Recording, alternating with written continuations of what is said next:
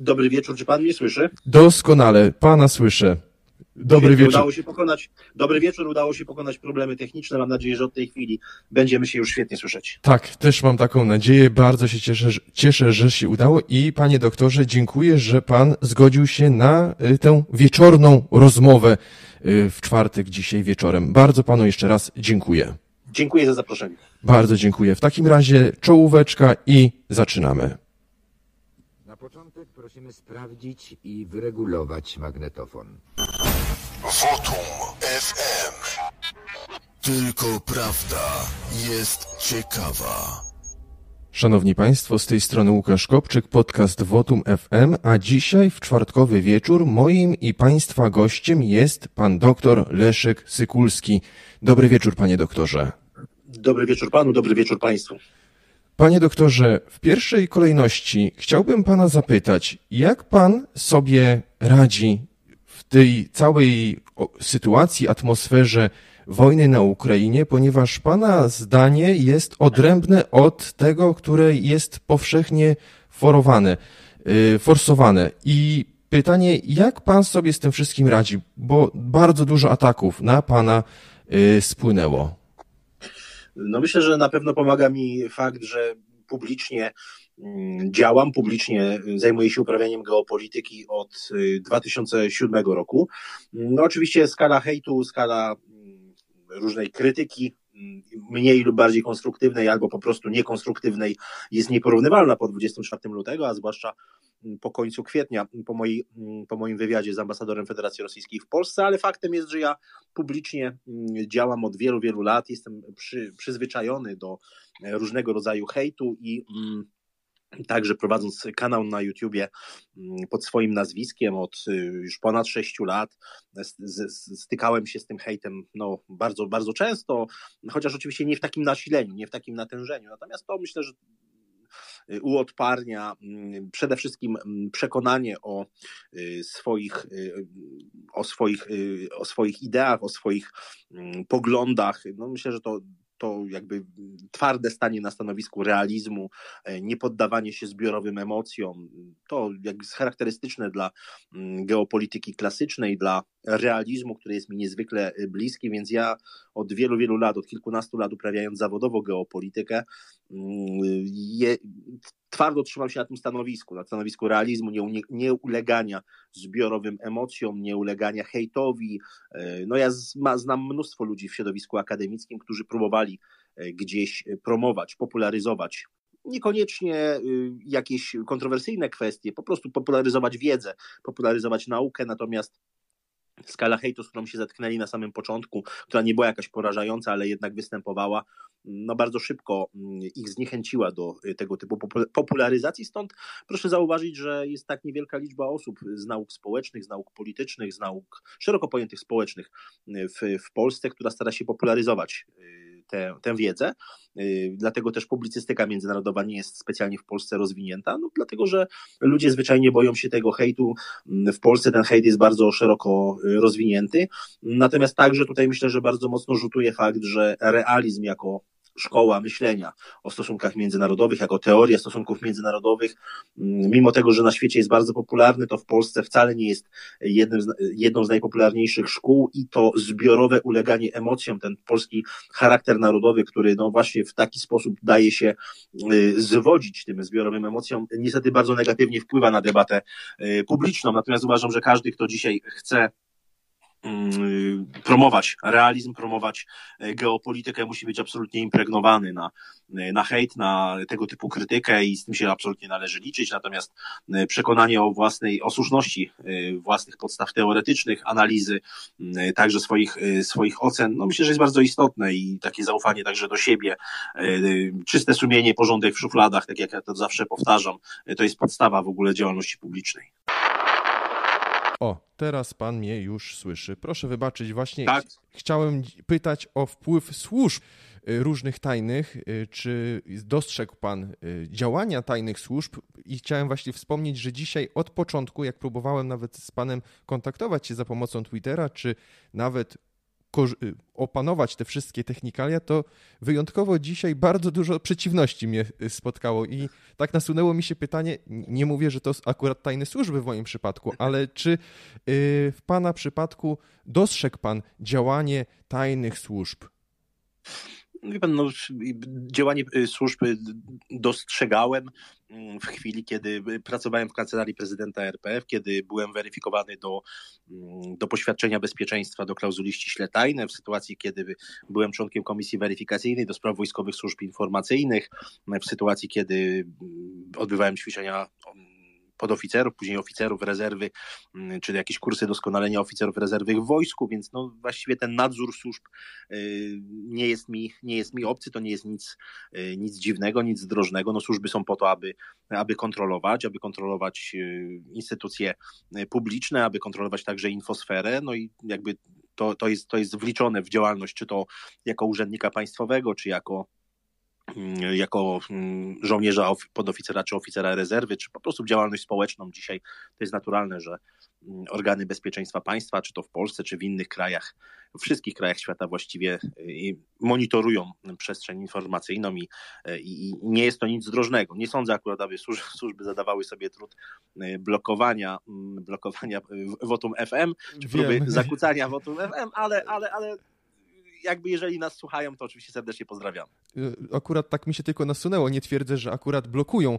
Y, a bo ostatnio w jednym ze swoich wystąpień powiedział pan, że jest też pan y, ekspertem, jeżeli chodzi o sądy i też no, służby dostarczają panu na przykład akta do oceny, do wydania ekspertyz, a z drugiej strony ten hejt, o którym pan wspomniał, który jest w sieci, maluje pana jako, no proszę wybaczyć za epitet, też się często z nim spotykam, chociaż do pana to mi bardzo daleko, jako ruskiego agenta. Jest pan tak określany, lub agentem Putina i tak dalej.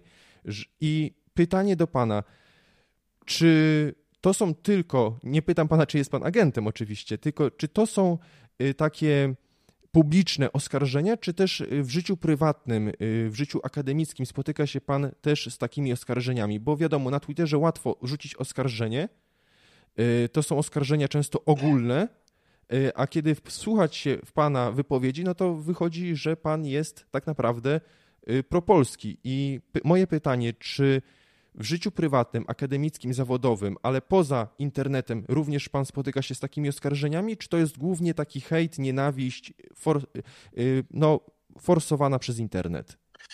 Mm, co bardzo ciekawe, y, nigdy, nawet po 24 lutego, czy nawet po końcu kwietnia y, tego roku, mm, nie zdarzyło mi się nigdy w realu, w rzeczywistości mm, zostać w jakiś sposób werbalnie zaatakowanym mm, takimi epitetami, o których Pan wspomniał to jest bardzo ciekawy trend. To znaczy pokazuje, Twitter jest świetną soczewką y, tutaj, która skupia y, to, ten, to zjawisko, ten proces. Y, mamy tych kowbojów klawiatury, czy komandosów klawiatury, jak się bardzo często mówi, ale najczęściej są to trolle, są to boty, mm, są to też właśnie tacy internetowi napinacze, którzy są bardzo mocni w sieci, natomiast w rzeczywistości nigdy mi się coś takiego nie zdarzyło. Nie tylko, że w pracy, w życiu akademickim, w, w działalności gospodarczej, bo też prowadzę swoją działalność gospodarczą, czy w życiu jako biegły sądowy do spraw bezpieczeństwa państwa, aby takie epitety jakieś się tam pojawiały, czy jakieś zarzuty w związku z moją działalnością publicz, publiczną, publicystyczną, czy okołopolityczną. Natomiast, y, natomiast też to pokazuje, że tu na Twitterze jest cała masa troli, cała masa botów, które, mm, które są bardzo, bardzo, bardzo intensywnie działają. I co bardzo ciekawe, po blackoutie na Ukrainie, to też takie bardzo ciekawe zjawisko, mhm. kiedy, kiedy mamy te wyłączenia mm, elektrowni i wyłączenia internetu na Ukrainie, zmalała liczba troli i botów w polskiej, polskiej infosferze, w polskiej przestrzeni informacyjnej. To też y, moim zdaniem bardzo daje wiele do myślenia.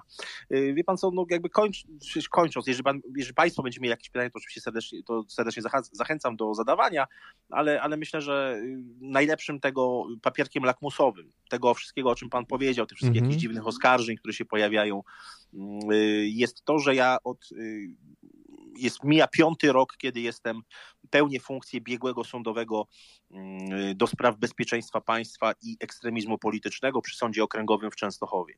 I to jest taka funkcja dosyć newralgiczna, to znaczy aby pełnić funkcję biegłego sądowego, trzeba, trzeba mieć e, absolutnie czystą kartę, jeśli chodzi o karalność, jeśli chodzi o jakieś ewentualne zarzuty, o y, y, jakąś na, naruszenie jakiegoś, no, nazwijmy to, y, takiego publicznego zaufania, prawda? Więc gdyby e, istniały jakiekolwiek cień podejrzenia, nie wiem, sprawa prowadzona przez policję, nie wiem, przez jakąś służbę specjalną przeciwko mnie, to ja nie mógłbym wykonywać y, tego, tej, tej funkcji publi zaufania publicznego, jakim jest funkcja biegłego sądowego. Natomiast ja od y, roku, y, od początku roku 2018 prowadzę, w przyszłym roku, na początku roku kończy mi się pięcioletnia kadencja, pełnię te funkcje, co więcej, zarówno policjanci z Komendy Głównej Policji, jak i funkcjonariusze Agencji Bezpieczeństwa Wewnętrznego, tak jak już wielokrotnie mówiłem publicznie, przywozili mi akty, akta, akta spraw, do których się musiałem ustosunkowywać, Mm, współpracowałem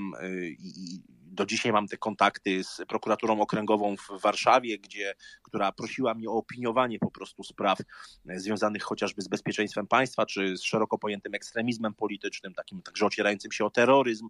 Więc y, w takich sprawach na przykład funkcjonariusze mm, tutaj z, z delegatury w Katowicach przywozili mi, y, delegatury Agencji Bezpieczeństwa Wewnętrznego przywozili mi te akta do domu, mm, czy, czy jak mówię, czy, czy policjanci nawet z Komendy Głównej Policji, więc nigdy nie było ze strony instytucji państwowych żadnych tutaj zastrzeżeń, że tak powiem, pod moim adresem. Zresztą myślę, że biorąc pod uwagę, że w okresie mm, kadencji y, obecnego rządu, mówimy o rządzie Zjednoczonej Prawicy, zwłaszcza Prawa i Sprawiedliwości, przecież i pan minister Mariusz Błaszczak e, dał mi awans jako oficerowi w rezerwie z podporucznika na porucznika i e, odznaczył mnie pan prezydent Andrzej Duda brązowym krzyżem zasługi dla Rzeczypospolitej. No więc, więc e, tak naprawdę ten szum medialny nie ma nic absolutnie wspólnego z rzeczywistością. Jest to próba tworzenia pewnego obrazu, to jest próba oczywiście, oczywiście jest to ogromny czarny PR mm, I, i myślę, że mamy tutaj do czynienia z absolutnie zorganizowaną akcją, która ma na celu deprecjonowanie osób, które mają jakikolwiek opozycyjny stosunek y, do oficjalnej narracji bo musimy sobie zdawać sprawę, że dzisiaj prawdziwa różnica między systemem a antysystemem, czy systemem a altersystemem, nie przechodzi mm, przez granice podziałów partyjnych. Chyba, że uznamy dwie istniejące tylko i wyłącznie partie w Polsce, jako partię pokoju i partię wojny. E, I, I, rzeczywiście tutaj przechodzi bardzo istotna granica. Natomiast prawdziwy antysystem i prawdziwy, czy, czy prawdziwy alter system jest, y, przechodzi y, przez stosunek do Stanów Zjednoczonych. E, I jeżeli ktokolwiek w Polsce dzisiaj zaczyna kwestionować ścisły, bardzo głęboki sojusz, a właściwie uzależnienie Polski od Stanów Zjednoczonych, staje się absolutnie wrogiem e, numer jeden w infosferze i mamy do czynienia z całą zorganizowaną akcją czarnego PR-u, uruchamianiem botów, troli i tak dalej, tak dalej, ale nie ma to żadnego realnego przełożenia na, na życie mm, takie na ulicy, tak? Ja też poruszam się normalnie, e, nie zawsze jeżdżę samochodem, jeżdżę nawet często zbiorkomem, bo Częstochowa jest bardzo zakorkowanym miastem obecnie. E, jeżdżę i, i poruszam się, nie, i pracuję nie tylko w Częstochowie, jeżdżę teraz po całej Polsce, mam spotkania w całej Polsce, spotkania autorskie, jakby nie ukrywam się nigdzie przecież. Normalnie chodzę na spotkania, gdzie przychodzi po, po 80, po 100 osób na sali i nie spotkałem się absolutnie z takimi incydentami, o których Pan tutaj e, e, powiedział. Doskonale. Miło to słyszeć, bo mimo wszystko internet kreuje tę rzeczywistość wirtualną i bardzo się cieszę, że Pan rozwiał to wszystko, ten czarny PR. Wspomniał Pan o tym, że kiedy ma się odmienne zdanie to od tego głównego i to nieważne, czy y, to nie jest odbiór polityczny, tak? Znaczy w sensie takim, że Prawo Sprawiedliwość, Platforma i tak dalej, tylko stosunek do Stanów Zjednoczonych. I pana akcja, dosyć głośna, Stop Amerykanizacji Polski, no, odbiła się szerokim echem. Na czym ta akcja tak naprawdę polega i co pan ma y, w zamian do zaoferowania w ramach tej zacznijmy, akcji? Zacznijmy od tego, aby wyjaśnić y, pojęcie amerykanizacji, bo myślę, że podobnie jak akcja Stop Ukrainizacji Polski, która została mm, przez wiele środowisk w ogóle niezrozumiana o co chodzi, co, co z tą e, ukrainizacją. Czy tutaj chodzi na powrót o jakąś rusyfikację, germanizację tylko w wyniku, y, tylko w wydaniu ukraińskim. To jest kompletne nieporozumienie i kompletne niezrozumienie tej akcji. Ale ponieważ ja nie ja byłem inicjatorem stop ukrainizacji, więc nie będę tutaj jakoś rozwijał tego tematu, chyba że Państwo będziecie chcieli, to, to jako osoba, która uważa, że jest ta, to, to akcja potrzebna, mm, y, to, to, to chętnie, chętnie to rozwinę. Natomiast amerykaniz- co rozumiemy przez pojęcie amerykanizacji Polski? Przede wszystkim podporządkowanie polskiej polityki zagranicznej, polityki bezpieczeństwa i polityki obronnej interesom Stanów Zjednoczonych. Y, interesom Stanów Zjednoczonych, które zawierają się w bardzo prostej strategii, jaką jest utrzymanie hegemonii Stanów Zjednoczonych y, na świecie. E, drugi aspekt, no, istotny również, to jest amerykanizacja polskiej kultury. E, przeszczepianie różnego rodzaju wzorców, matryc kulturowych e, amerykańskich, także tych dotyczących życia, struktury społecznej. No i wiemy doskonale, że dzisiaj Stany Zjednoczone są absolutnie w sensie społecznym niejednorodne ani kulturowo, ani cywilizacyjnie, ale w sensie pewnej agendy realizowanej na poziomie rządu Stanów Zjednoczonych, to jest to agenda bardzo, bardzo jasna, bardzo czytelna. Mówimy tutaj o takiej agendzie agendzie demoliberalnej, o promowaniu multikulturalizmu, o promowaniu ideologii gender, o agendzie LGBT. Zresztą jest to świetnie widoczne na całym świecie e, i, i, e, i, oddziałuje także oczywiście bardzo mocno w Europie. Myślę, że bardzo taką silną forpocztą w tym zakresie Stanów Zjednoczonych jest Republika Federalna Niemiec. Jest to także widoczne bardzo świetnie na mundialu obecnie w Katarze, chociażby zachowanie reprezentacji Niemiec przed meczem z Japonią. E, więc my się absolutnie temu sprzeciwiamy. Sprzeciwiamy się podporządkowywaniu polityki państwa polskiego interesom mm, i polityce hegemonicznej Stanów Zjednoczonych. I stąd, to, i stąd ta oczywiście akcja. E, uważamy, że zarówno udział polskich kontyngentów wojskowych e, w, inwazjach amerykańskich, e, w, tym, w tym, tym, tych całych awanturach amerykańskich, które się rozpoczęły po roku 2001, był absolutnie niepotrzebny, to Polsce absolutnie nic nie dało. Uważamy, potępiamy oczywiście tego typu działania.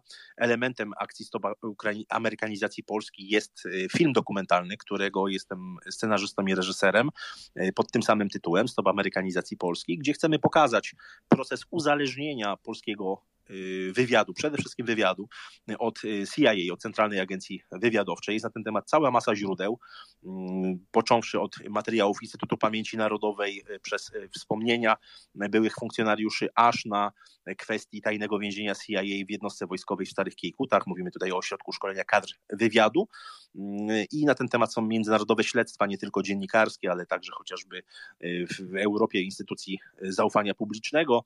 No i tutaj mamy bardzo bardzo, bardzo bogatą dokumentację w tym zakresie. Chcemy to pokazać. Chcemy także odczarować ten mit amerykański, że jakoby to Stany Zjednoczone były wielkim obrońcą pokoju i takim gołąbkiem pokoju niosącym wszystkim wolność i e, szczęście. Jest wręcz odwrotnie. Stany Zjednoczone to najbardziej agresywne państwo świata mm, po roku 1991.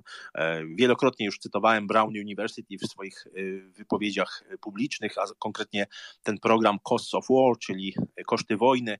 No, to są amerykańscy badacze zrobili taki, taki bardzo rzetelnie zrobiony, udokumentowany program, z którego jasno wynika, że w wyniku mm, awantur politycznych, militarnych Stanów Zjednoczonych, e, wojen napastniczych w latach 2001-2021 zginęło ponad 900 tysięcy ludzi. Nie ma żadnego innego państwa na świecie, którego działalność e, na arenie międzynarodowej przyniosłaby taką hekatombę, taki, e, taki obraz spustoszenia, zniszczenia struktury stosunków międzynarodowych, czy, czy taką liczbę, liczbę ofiar.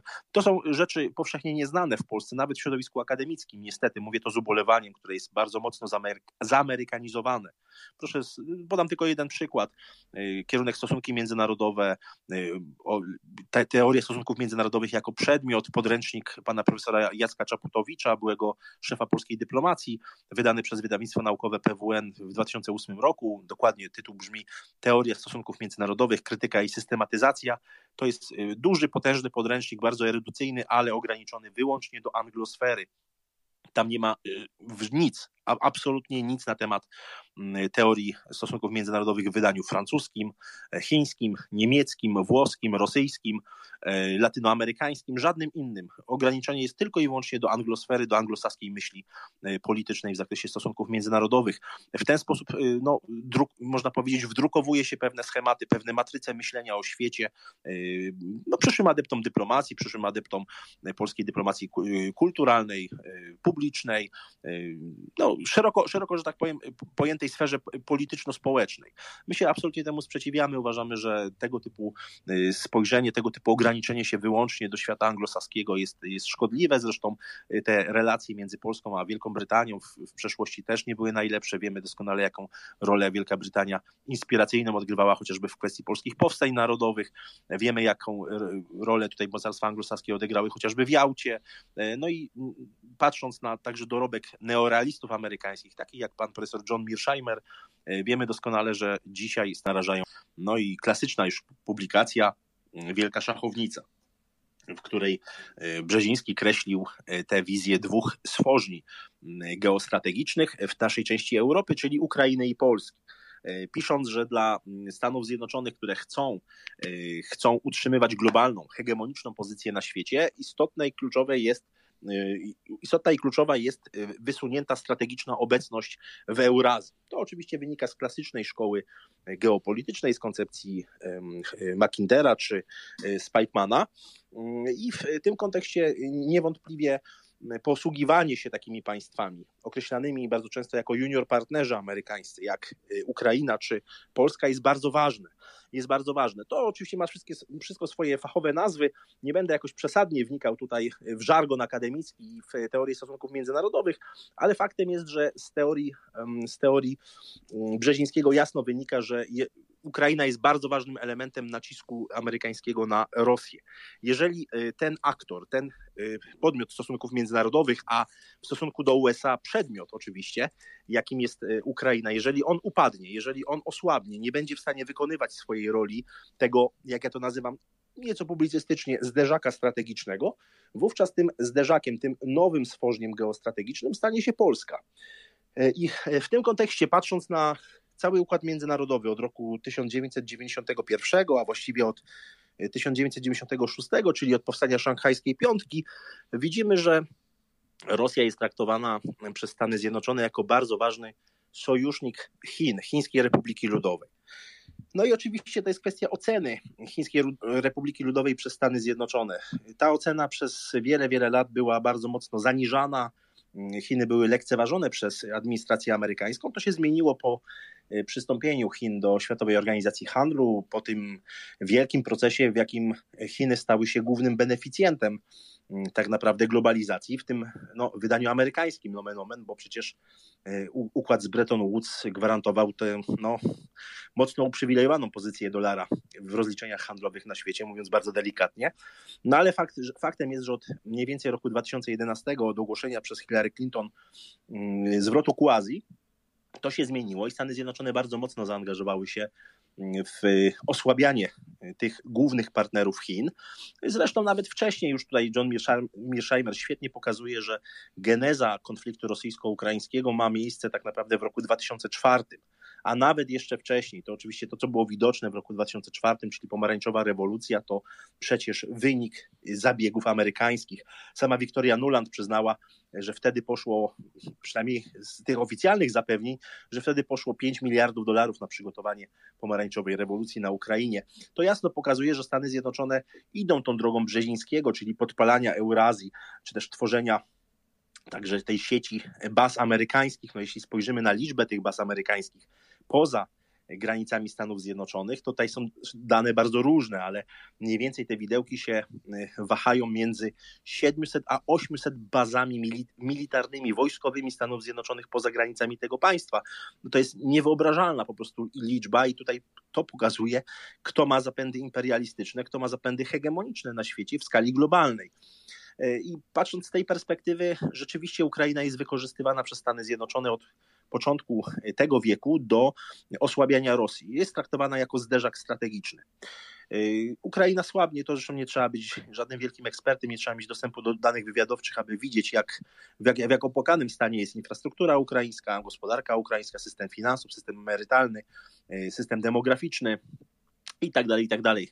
E, więc wiadomo, że tutaj, jeżeli Stany Zjednoczone chcą kontynuować, czy, czy establishment amerykański będzie chciał kontynuować osłabianie Rosji cudzymi rękami i wykorzystywać do tego zderzaki strategiczne, tak nazwijmy to, yy, trzymajmy się tej konwencji terminologicznej, no to naturalnym spo, w naturalny sposób Polska jest takim kandydatem do bycia tym kolejnym zderzakiem strategicznym.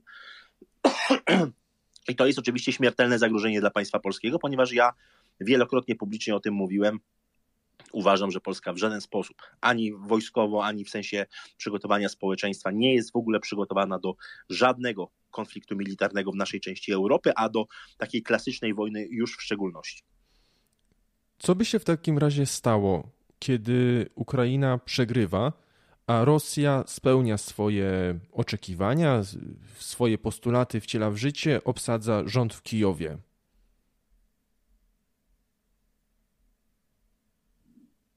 No to oczywiście tutaj nie chodzi o y, samą Ukrainę. To jest takie spojrzenie y, niektórych analityków, którzy uważają, że mm, chodzi o Rosji chodzi o taki czy inny obwód Ukrainy. Czy też chodzi o wchłonięcie wschodniej Ukrainy, albo wchłonięcie wschodniej i centralnej, albo całej Ukrainy. No ja uważam inaczej. Ja uważam, że y, Rosja w ogóle nie ma na celu, że w ogóle Ukraina nie jest, samym, nie jest celem samym w sobie. Ukraina nie jest celem samym w sobie dla Rosji. Rosja rozpoczęła mm, wojnę w 2014 roku z Ukrainą, nie 24 lutego 2022 roku, mhm. jak, mówią większość, jak mówi większość mediów, bo tutaj odliczane są te dni wojny i tak dalej, i tak dalej. To jest oczywiście bzdura. Wojna rozpoczęła się w roku 2014, a sam konflikt rosyjsko-ukraiński rozpoczął się w 2000, jeszcze 10 lat wcześniej. Natomiast y, Natomiast mamy oczywiście nową fazę tej wojny. Nową fazę, e, przejście na wyższy poziom eskalacji, przejście na wyższy poziom, na wyższy próg tej drabiny eskalacyjnej. Używam tego określenia mm, y, nie w sensie publicystycznym, a w sensie fachowym. Mówię o drabinie eskalacyjnej w koncepcji Hermana, Hermana Kana, jednego z ojców amerykańskiej doktryny wojny termojądrowej.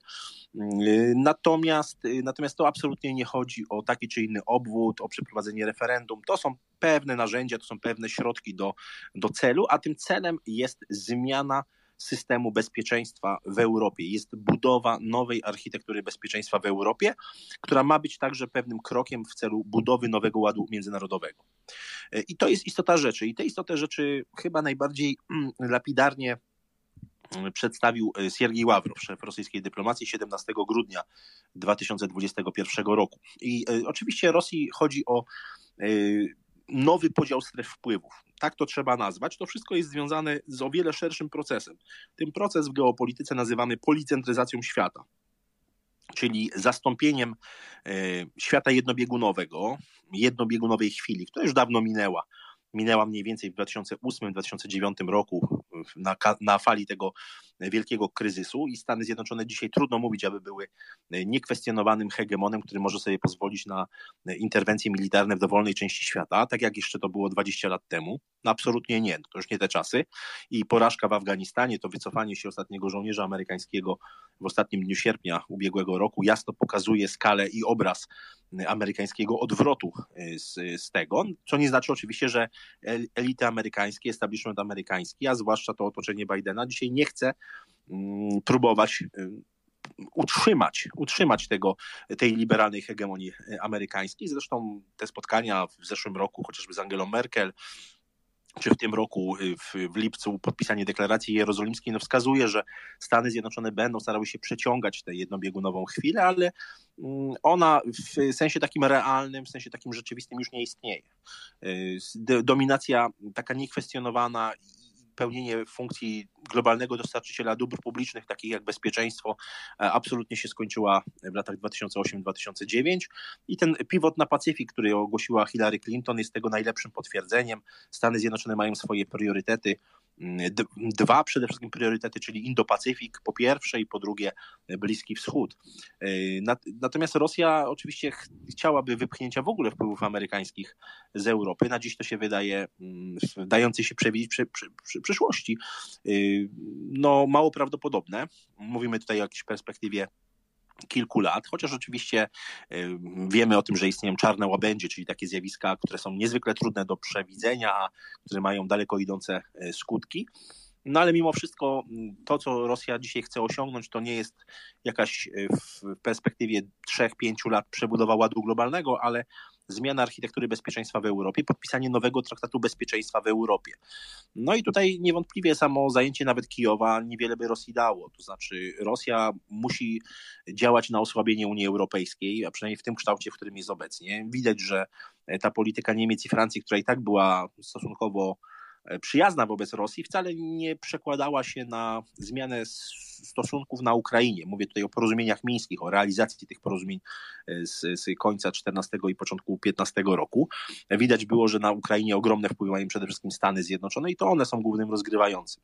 Więc dzisiaj mm, no, tutaj Rosja Mm, Rosja będzie chciała przede wszystkim spowodować kryzys, ogromny kryzys gospodarczy, e, energetyczny, żywnościowy i migracyjny e, w Unii Europejskiej, tak aby wpłynąć na przywódców e, państw członkowskich Unii Europejskiej na przyjęcie nowego traktatu bezpieczeństwa w Europie. Jak się zachowa w takim razie Unia Europejska, świat zachodni ze Stanami Zjednoczonymi na czele, kiedy no, postulaty, jak już tutaj wspomniałem wcześniej o tych postulatach, ale jeżeli w ogóle Rosji uda się wywrzeć ten wpływ, bo jak pan wspomniał, Ukraina słabnie y, na, no, w oczach, y, widać to każdego dnia y, i co może się stać? Jakie działania mogą być, kiedy no, te Stany Zjednoczone stracą wpływy, takie mocne wpływy w Europie? I w tym samym no, Unia Europejska też straci tę moc oddziaływania i Rosja będzie rozdawała karty? No myślę, że do tego czasu, kiedy Rosja będzie rozdawała karty, to jeszcze troszeczkę czasu upłynie. Przede wszystkim musimy patrzeć na system międzynarodowy jako system naczyń połączonych. Y, analizując sprawy międzynarodowe, musimy się wystrzegać od mm, takiego y, bardzo często, y, powiedziałbym, autorytatywnego określania pewnych, pewnych rzeczy, dlatego że nie mamy dostępu do materiałów wywiadowczych.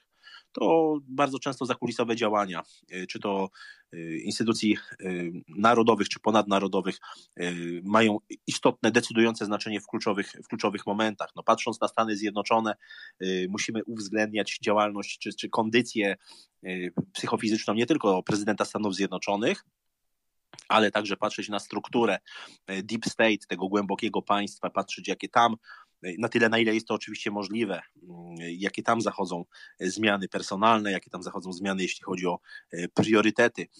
I, I, w tym kontekście oczywiście jest tak, że istnieje bardzo silny trend do federalizacji Europy i myślę, że ta wojna jest bardzo na korzyść Niemcom. To może zabrzmieć nieco paradoksalnie, bo patrząc na wysadzony gazociąg Nord Stream, Nord Stream 2, możemy powiedzieć, że Niemcy bardzo dużo zainwestowały swojego czasu, energii e, politycznej e, i kapitału. E, natomiast faktem jest, że ta wojna po lockdownach, po ogłoszonej przez WHO pandemii COVID-19 jest kolejnym bardzo ważnym elementem przekonywania przez y, elity, nazwijmy to ponadnarodowe, do tego, że y, następuje kres państw narodowych, że państwa narodowe są zbyt słabe do tego, aby radzić sobie z wyzwaniami przyszłości.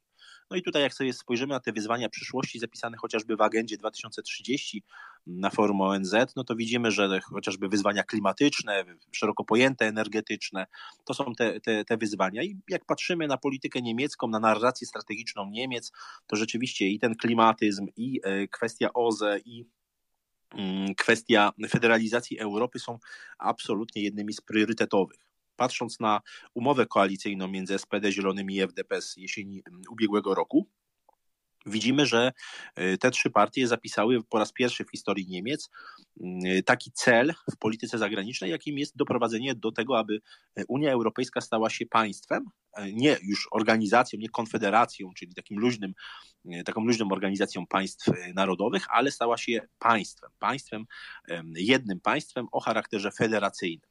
E, I, I, to jest cel wpisany w umowę koalicyjną e, RFN e, od tych trzech partii od, od jesieni ubiegłego roku. Jeśli spojrzymy sobie jeszcze na traktat kwirynalski między Francją a Włochami, również z ubiegłego roku, no to widzimy, że te że ci trzej główni gracze, czyli właśnie ta oś Paryż, Berlin, Rzym, czy ten trójkąt Paryż, Berlin, Rzym, no bardzo mocno lobbuje za federalizacją Unii Europejskiej.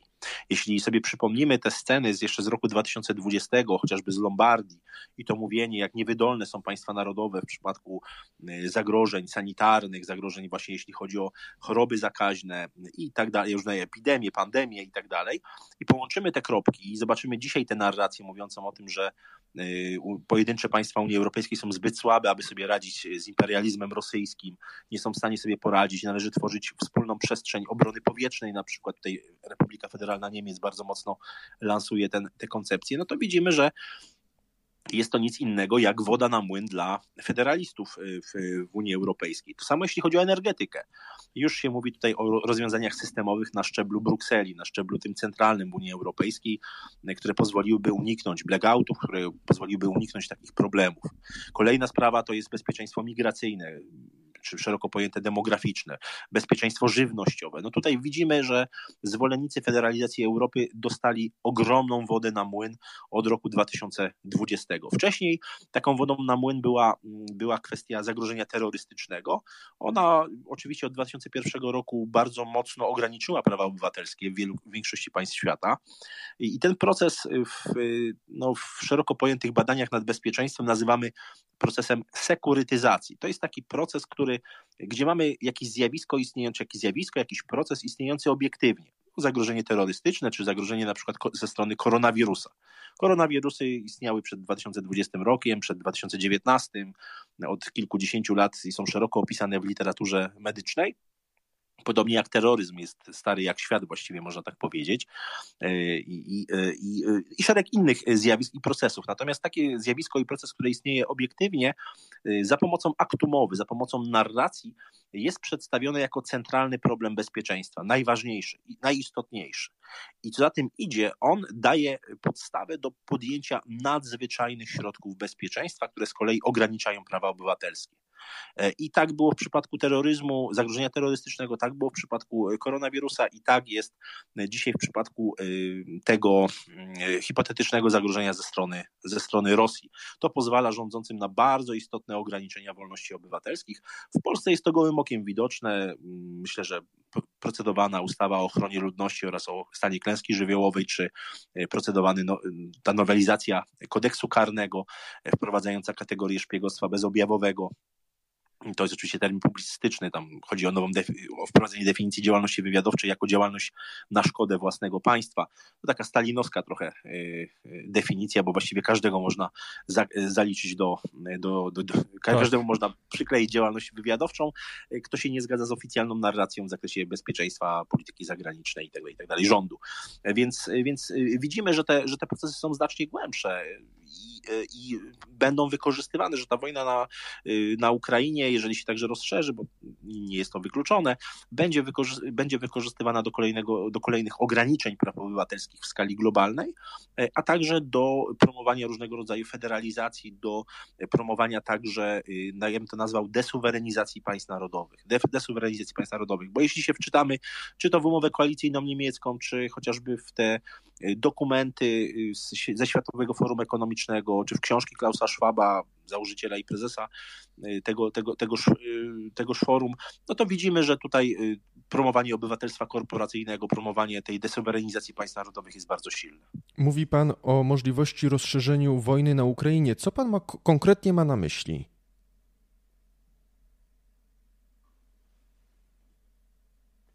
Już sekundkę. Mm, y, no, przede wszystkim oczywiście możliwość rozlania się tej, tego konfliktu. Jestem sobie w stanie wyobrazić scenariusz, w którym dochodzi do podobnego incydentu jak w przewodowie, który obserwowaliśmy 15 listopada, tylko na znacznie większą skalę i oskarżenia strony rosyjskiej i próbę wciągnięcia y, do wojny Sojuszu Północnoatlantyckiego czy państwa członkowskiego NATO. Myślę, że ta propozycja, czy ze strony mm, naczelnika państwa obecnie pana, y, pana Jarosława Kaczyńskiego, czy ze strony mm, ministra Mariusza Błaszczaka o tym, aby przerzucić baterię Patriot z niemiecką załogą na, na Ukrainę, aby także bez, broniły Polski, no to jest nic innego jak no, taka niebezpieczna, niebezpieczne igranie z wojną, ponieważ no, jednak mm, umieszczenie natowskiego sprzętu na, na terytorium państwa nie będącego członkiem sojuszu, a które jest w stanie wojny, faktycznej wojny, mhm. no jest ogromnym już narażaniem, e, narażaniem nas na wejście jako państwa frontowego, jako państwa flankowego mm, w sojuszu. Więc to jest, to jest ogromne niebezpieczeństwo. Takich prowokacji można się moim zdaniem spodziewać ze strony różnych, e, różnych podmiotów. Ja myślę, że Ukrainie bardzo zależy na tym, aby inne państwa weszły do, do wojny, no bo wiemy, że Ukraina jest w, no w bardzo trudnej sytuacji. Już po, tych, po zniszczeniu sporej części infrastruktury, cywilnej infrastruktury krytycznej, elektrownie, elektrociepłownie, mm, i szereg innych e, istotnych, chociażby rurociągów dostarczających wodę, czy przepompowni wody, no, widzimy, że, że, że sytuacja jest absolutnie katastrofalna i bez y, takiej pomocy bez włączenia się państw NATO będzie ciężko mm, Ukrainie, y, a przynajmniej obecnemu establishmentowi ukraińskiemu zachować e, no, zachować głowę po prostu, mówiąc, mówiąc, mówiąc wprost. Więc ja bym się nie zdziwił, gdyby służby specjalne Ukrainy mm, podejmowały różnego rodzaju działania mm, szeroko pojęte, nie chcę wchodzić w jakieś wielkie szczegóły, ale e, mające na celu nakłonienie e, innych, innych państw, państw członkowskich NATO do przystąpienia do tej wojny. Niewykluczone także, że Rosja będzie starała się eskalować także napięcie, chociażby napięcie poprzez nacisk e, migracyjny, poprzez bombę D, czyli tę bombę demograficzną ze strony Białorusi, czy ze strony obwodu kaliningradzkiego, prawda? Mówimy o migrantach z Bliskiego Wschodu, no ale czy, czy, czy, czy, nie, czy nie dojdzie do próby, do, do próby destabilizacji Mołdawii? No też to, to nie jest moim zdaniem wykluczone. Czy nie dojdzie do próby destabilizacji Bałkanów Zachodnich? To jest beczka prochu. Spójrzmy na kwestię Republiki e, Serbskiej w Bośni i Hercegowinie, spójrzmy na napięcie między Serbią a e, Kosowem i szereg innych takich punkt, punktów napięcia na Bałkanach Zachodnich. Do tego, tak jak powiedziałem, system globalny to nie jest, to jest system naczyń połączonych warto y, mieć cały czas oczy zwrócone na Bliski Wschód, na Indo-Pacyfik, na Arktykę. To są regiony niezwykle istotne, zwłaszcza Bliski Wschód. Y, wiemy, że wielkie imprezy sportowe bardzo często były swego rodzaju taką zasłoną dymną do y, przygotowywania się do różnych, różnej eskalacji, także nie tylko politycznej dyplomatycznej, ale także militarnej. Tak było w przypadku Igrzysk Olimpijskich w Soczi zimowych, czy tych ostatnich Igrzysk w Chinach. Mm, mamy mundial w Katarze. Wiemy, że Katar był no, zresztą jednym z y, takich, takich miejsc bardzo y, dużego napięcia w latach 2017-2021, ten katarski kryzys dyplomatyczny, który skończył się dopiero 5 stycznia ubiegłego, y, ubiegłego roku, no, ale mamy bardzo duże napięcie między Izraelem a Iranem, między Arabią Saudyjską a Iranem.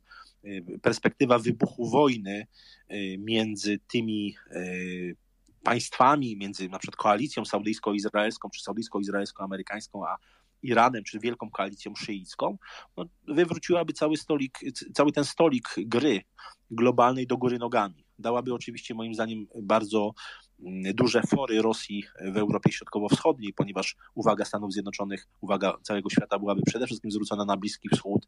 E, kwestia cen baryłki ropy naftowej, cen metra sześciennego gazu na świecie bardzo podskoczyłaby. E, ewentualne zablokowanie cieśniny Ormus, e, żeglugi przez Zatokę Omańską, Morze Czerwone i, i kanał Suezki, no oczywiście nie tylko spowodowałyby ogromny, ogromny kryzys gospodarczy na świecie, kto wie, czy nie największy w historii świata, no ale także wpłynęłyby na y, tworzenie się nowych, nowych dróg, nowych połączeń handlowych, nowych połączeń transportowych. Tutaj także y, eksporterzy węglowodorów spoza regionu Zatoki Perskiej byliby niewątpliwie beneficjentami, beneficjentami tej sytuacji. Wspomina Pan o tym, że przerzucenie niemieckich patriotów na stronę ukraińską może pociągnąć y, sojusz NATO do y, wojny, ale z drugiej strony nasz prezydent y, naszego umiłowanego kraju, Rzeczpospolitej, mówił w rozmowie telefonicznej z pranksterami rosyjskimi, ale no myślę, że wyrażał no, swoje prawdziwe przekonania w tej rozmowie, wierząc, że rozmawia z prezydentem Francji, że on tej, że on tej wojny nie chce. Y, więc jak to można pogodzić? Bo z jednej strony są działania na eskalowanie, na próbę wciągnięcia y, Polski, chociażby Polski do wojny, a z drugiej strony no, prezydent Rzeczpospolitej mówi: Ja tej wojny nie chcę. I pytanie, czy mówi prawdę, Czy jak, jak, jak pan to ocenia? No, ja myślę, że tutaj pan prezydent Duda powiedział prawdę, że, że nie chce tej wojny, natomiast to, że prezydent Polski nie chce wojny, nie znaczy, że Polska nie zostanie do wojny wciągnięta, czy nie zostanie do tej wojny wepchnięta, ponieważ zdanie prezydenta Rzeczypospolitej niestety w sprawach bezpieczeństwa na tyle, na ile mogliśmy się przekonać z najnowszej historii Polski, chociażby na podstawie tajnego więzienia CIA w Polsce, no, znaczy tyle, ile znaczy.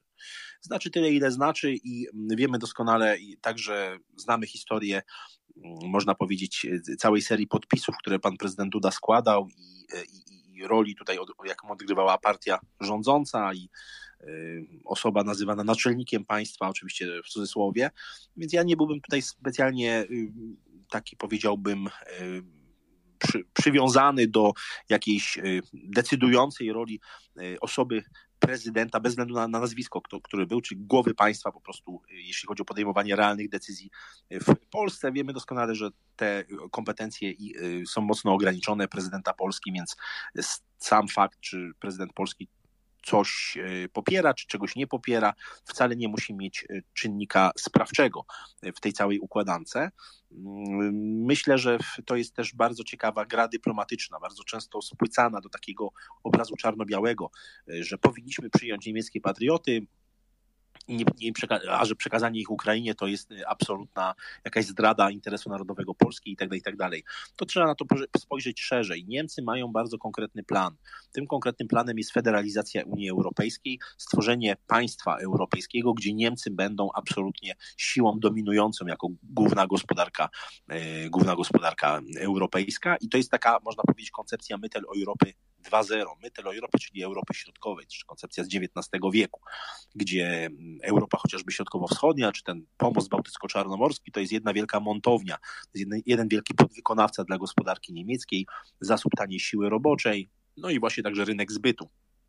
Natomiast e, ta koncepcja jednolitej, e, jednolitej przestrzeni powietrznej i obrony na poziomie centralnym jest oczywiście elementem tego. Pamiętajmy, jak Białoruś była uzależniana od Rosji. Y, jeden z bardzo istotnych elementów było stworzenie właśnie wspólnej przestrzeni powietrznej, wspólnego bronienia przestrzeni powietrznej. Tak właśnie Rosja mocno uzależniła struktury wojskowe czy system obronny Biało Republiki Białoruś. I tutaj no oczywiście należałoby, jeżeli już przyjmujemy taką, taką pomoc, bardzo, ale to bardzo mocno mm, doprecyzować, jak powinna wyglądać taka umowa. Absolutnie ta umowa nie powinna wyglądać tak, jak wygląda umowa z 15 sierpnia 2020 roku o tak zwanej wzmocnionej współpracy obronnej ze Stanami Zjednoczonymi, która jest absolutnie taką desuwerenizacyjną umową, która tworzy eksterytorialne strefy na terytorium państwa polskiego. To jest, absurdalna umowa, to jest umowa na o wiele gorszych warunkach niż y, zawarł ją Irak ze Stanami Zjednoczonymi, mimo iż Irak w 2003 roku został najechany y, i w wyniku wojny napastniczej zniszczony y, przez i podporządkowany, okupowany przez Stany Zjednoczone. Natomiast Polska no, nie została najechana, nie została zniszczona tak jak Irak, natomiast ta umowa jest na zdecydowanie gorszych warunkach. To jest jedna sprawa. Druga sprawa, samo przerzucenie, tak jak powiedziałem, zestawów patriot niemieckich, natowskich na terytorium Ukrainy, no już jest jakąś formą partycypacji Sojuszu Północnoatlantyckiego, bezpośrednią partycypacją w wojnie. I tutaj byłbym niezwykle ostrożny przed takimi, przed takimi ruchami. Myślę, że te oceny publicystyczne są zbyt pochopne, bardzo emocjonalne. To, o czym powiedzieliśmy sobie na początku dzisiejszego spotkania, uważam, że polska polityka jest w ogóle pozbawione jakiejkolwiek kultury strategicznej.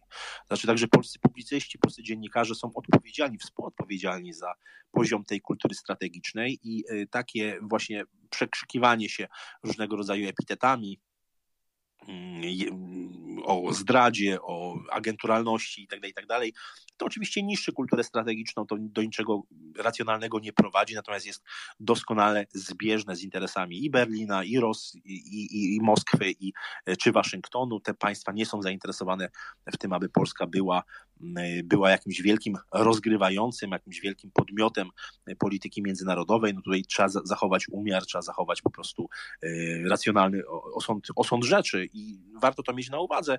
Ja zawsze polecam moim studentom i także moim słuchaczom, widzom i czytelnikom y, świetny teatr telewizji. Pozwolę sobie go również na zakończenie tej wypowiedzi y, polecić. Oczywiście. 19 południk. 19 południk w reżyserii y, Juliusza Machulskiego. To taki właściwie komediodramat, nie, nie, nie komedia.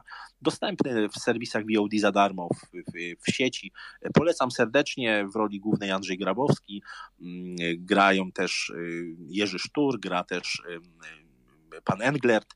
No, scena, scena, scena końcowa tego teatru telewizji, kiedy następuje rozbiór Polski między Niemcy a Rosję e, przy asyście ambasa pani ambasador Stanów Zjednoczonych jest nader wymowny, natomiast pewne mechanizmy, pewne przywary narodowe, które są ukazane w tym teatrze telewizji, moim zdaniem są absolutnie ponadczasowe.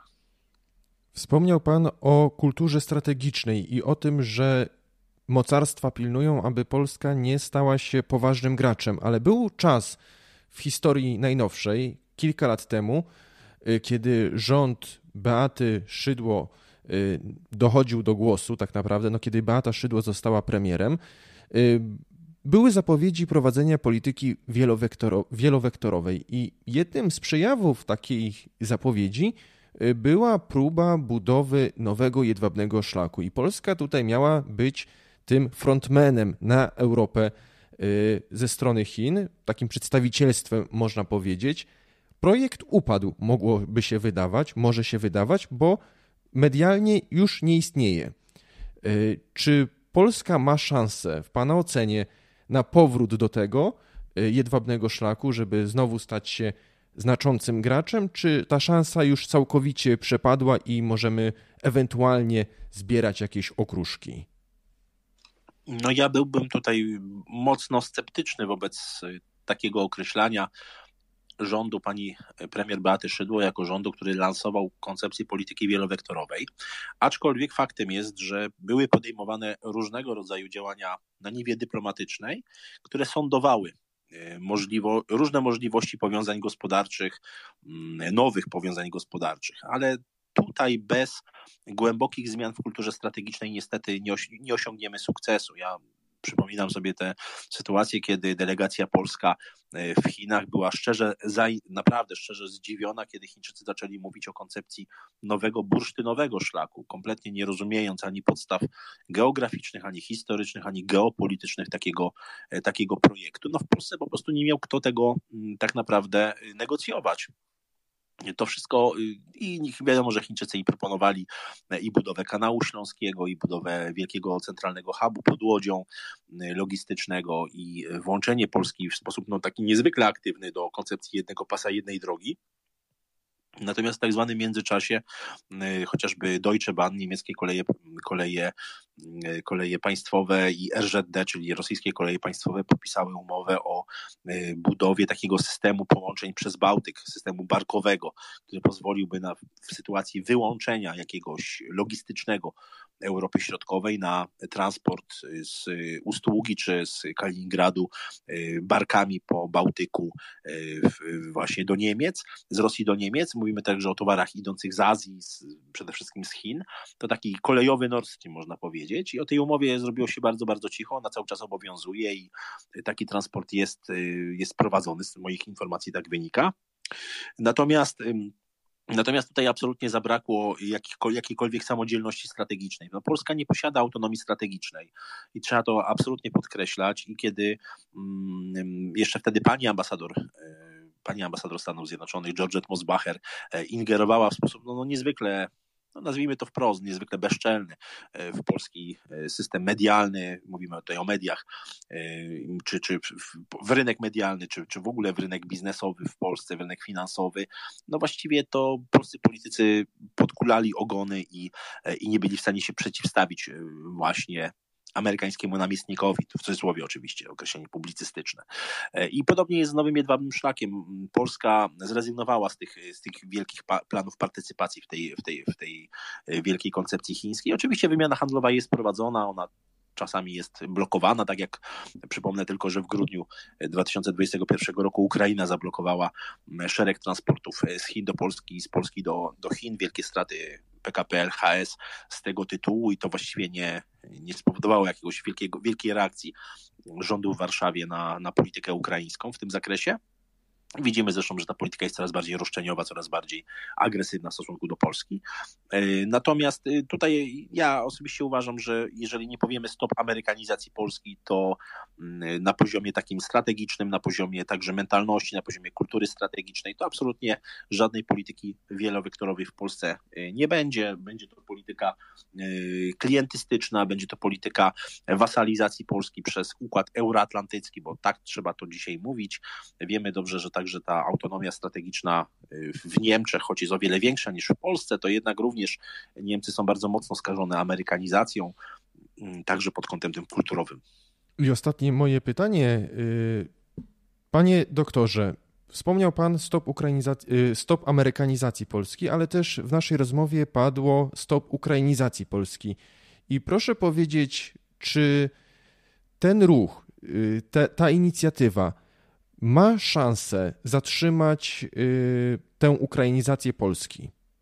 Czy w ogóle jest szansa, y, bo no, ta ukrainizacja jest daleko posunięta. Czy w Pana ocenie jest szansa, ażeby Polska no, stała się taka samodzielna, żeby nie ulegała tym roszczeniom ukraińskim?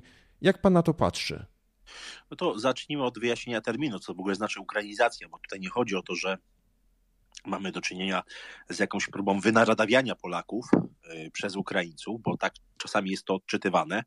I to jest kompletne niezrozumienie. To jest jakby niezrozumienie także tej broszury, która powstała, bo to Konfederacja Korony Polskiej, y, pana Grzegorza Brauna, posła, y, opracowała taką broszurę. To jest 60-stronicowa, 60 chyba dwustronicowa, taka mała formatu A6 broszurka i to w ogóle nie o to chodzi. Chodzi o to, że e, ukrainizacja Polski to jest proces podporządkowywania interesów polskiej racji stanu, racji stanu Ukrainy.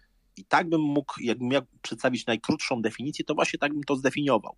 To jest mm, absolutne, mm, można powiedzieć, przedkładanie interesów Y, ukraińskiego interesu, y, przedkładanie ukraińskiego interesu narodowego nad polski interes narodowy. I to się dzieje, to widzimy, to nie, nie, trzeba być wielkim specjalistą, aby to, aby to odnotować. Widzimy zresztą to po słowach urzędników partii obecnie rządzącej, czy właściwie urzędników obecnego rządu. Pan Łukasz Jasina, rzecznik prasowy Ministerstwa Spraw Zagranicznych, powiedział pod koniec marca bieżącego roku, że, cytuję, jesteśmy sługami narodu ukraińskiego. Koniec cytatu. To jeżeli takie słowa padają ze strony tak istotnego urzędnika, który jest przecież, można powiedzieć, ustami y, resortu dyplomacji, no to trudno się spodziewać, żebyśmy nie byli traktowani jako sługa. Żeby Polska nie była traktowana nie jako podmiot, ale jako przedmiot stosunków międzynarodowych przez stronę ukraińską, która, której przecież establishment y, wykazuje, y, znaczy wykazuje, no jest po prostu skażony bardzo silną mentalnością postsowiecką, czy też y, używając określenia Feliksa Konecznego cywilizacją turańską. Więc tutaj absolutnie widać to po stronie żądań ukraińskich, po tym zamykaniu granic w grudniu 2021 roku, po licznych ograniczeniach ekshumacji polskich ofiar ludobójstwa na Wołyniu po kulcie Bandery Szuchewicza, Organizacji Ukraińskich Nacjonalistów, Ukraińskiej Powstańczej Armii, po, po próbach y, notorycznego wręcz kłamstwa wołyńskiego, przemycania tego kłamstwa wołyńskiego do debaty publicznej, an, nominacja Andrija Melnyka, byłego ambasadora Ukrainy w Berlinie, kłamcy wołyńskiego, y, człowieka, który y, usprawiedliwiał ludobójstwo na Polakach, który, który wybierał Banderę, no to szereg jest tych przykładów, nawet wizyta ministra Zbigniewa Rała z panem Jasiną w ubiegłym roku, pod koniec ubiegłego roku w, na Ukrainie, gdzie w hotelu, w którym prowadzili negocjacje, powiewały czerwono-czarne flagi i no właściwie co, no, krótka konstatacja polskich urzędników, że taki mamy klimat na Ukrainie. To jest przykład ogromnej uległości, to jest przykład właśnie ukrainizacji mentalności urzędników w Polsce, polskich, części polskich polityków czy polityków w Polsce y, w tym, w tym zakresie, ukrainizacji polskiej racji stanu, y, tego, że język ukraiński jest właściwie wszechobecny na polskich stronach rządowych. Z czego to się, przepraszam, że panu wejdę w słowo, z czego to może się brać, taka uległość? No, myślę, że czynników jest kilka. Gdybym miał wymienić je w takiej kolejności, to po pierwsze, y, ogromna podległość polskiej dyplomacji, polskiego systemu bezpieczeństwa, polskich służb specjalnych Amerykanom, instytucjom amerykańskim. Amerykanie bardzo mocno lansują na to, aby Polska w sposób bardzo, bardzo istotny wspierała tutaj Ukrainę i była bardzo mocno antyrosyjska. Więc tutaj bym patrzył przede wszystkim na to, co opisywał Instytut Pamięci Narodowej w, w, w tym podporządkowaniu Departamentu Pierwszego MSW CIA na przełomie lat 80. i 90. Polecam panu i naszym słuchaczom książkę Koniec Imperium MSW, poświęconej właśnie między innymi temu, temu zagadnieniu, a także debatę na IPN TV na YouTubie zatytułowaną, cytuję z głowy, czy polski wywiad cywilny został podporządkowany CIA. No, to jest pierwsza, pierwszy element. Po drugi, po drugi stawiam hipotezę, to jest hipoteza analityczna na potrzeby próby odpowiedzi na pańskie pytanie, że na terytorium Polski bardzo mocno działa, działa wywiad ukraiński. Ja nie mogę się niestety podzielić szczegółowymi informacjami. Mam takie informacje z czasów pracy w Komisji Weryfikacyjnej do Spraw Wojskowych Służb Informacyjnych. Jedyne, co mogę powiedzieć, i to powiem to w jednym zdaniu, że jako członek Komisji Weryfikacyjnej wraz z, z innymi e, wówczas członkami byliśmy zszokowani byliśmy podkreślam zszokowani skalą działalności wywiadu ukraińskiego na terytorium Polski. I to jest koniec, kropka, tyle mogę powiedzieć. E, w związku z tym y, myślę, że ta działalność wywiadu ukraińskiego się nasiliła w ostatnich latach i tutaj nie mówię o ostatnich, ostatnim roku, dwóch, ale ostatnich kilkunastu latach po, po, po pomarańczowej rewolucji, a już zwłaszcza po, po aneksji Krymu przez, przez Federację Rosyjską.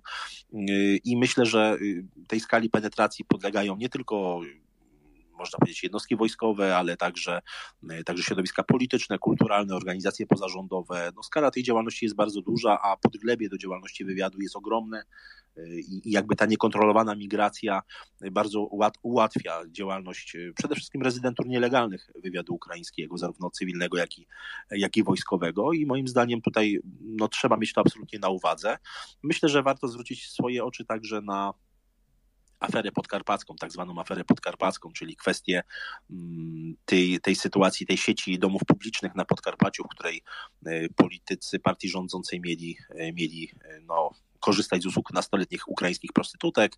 Wiemy o sprawie jednego z byłych bokserów zawodowych, pseudonim Cygan, który w niewyjaśnionych okolicznościach zginął w więzieniu, a był zamieszany w tę całą sprawę. Okazuje się, że te nagrania z tych domów publicznych trafiły na, na Ukrainę. No i pytanie oczywiście publiczne zadawane przez chociażby jednego z byłych oficerów Centralnego Biura Śledczego Policji, y, czy y, czy nie służą te nagrania do szantażu polskich polityków przez służby specjalne Ukrainy. To jest oczywiście pytanie, którego tutaj, na które nie znajdziemy odpowiedzi. To jest pytanie do właściwie Departamentu Kontrwywiadu Agencji Bezpieczeństwa Wewnętrznego. Ja myślę, że to, co dzisiaj słyszymy w, w, sferze publicznej, to słyszymy to, że w Polsce jest ogromna agentura rosyjska, że wszędzie są ruscy agenci, cytuję, przepraszam za kolokwializmy, ruskie onuce i tak dalej, i tak dalej. I mamy taki obraz, że właściwie na terytorium państwa polskiego funkcjonuje tylko wywiad rosyjski.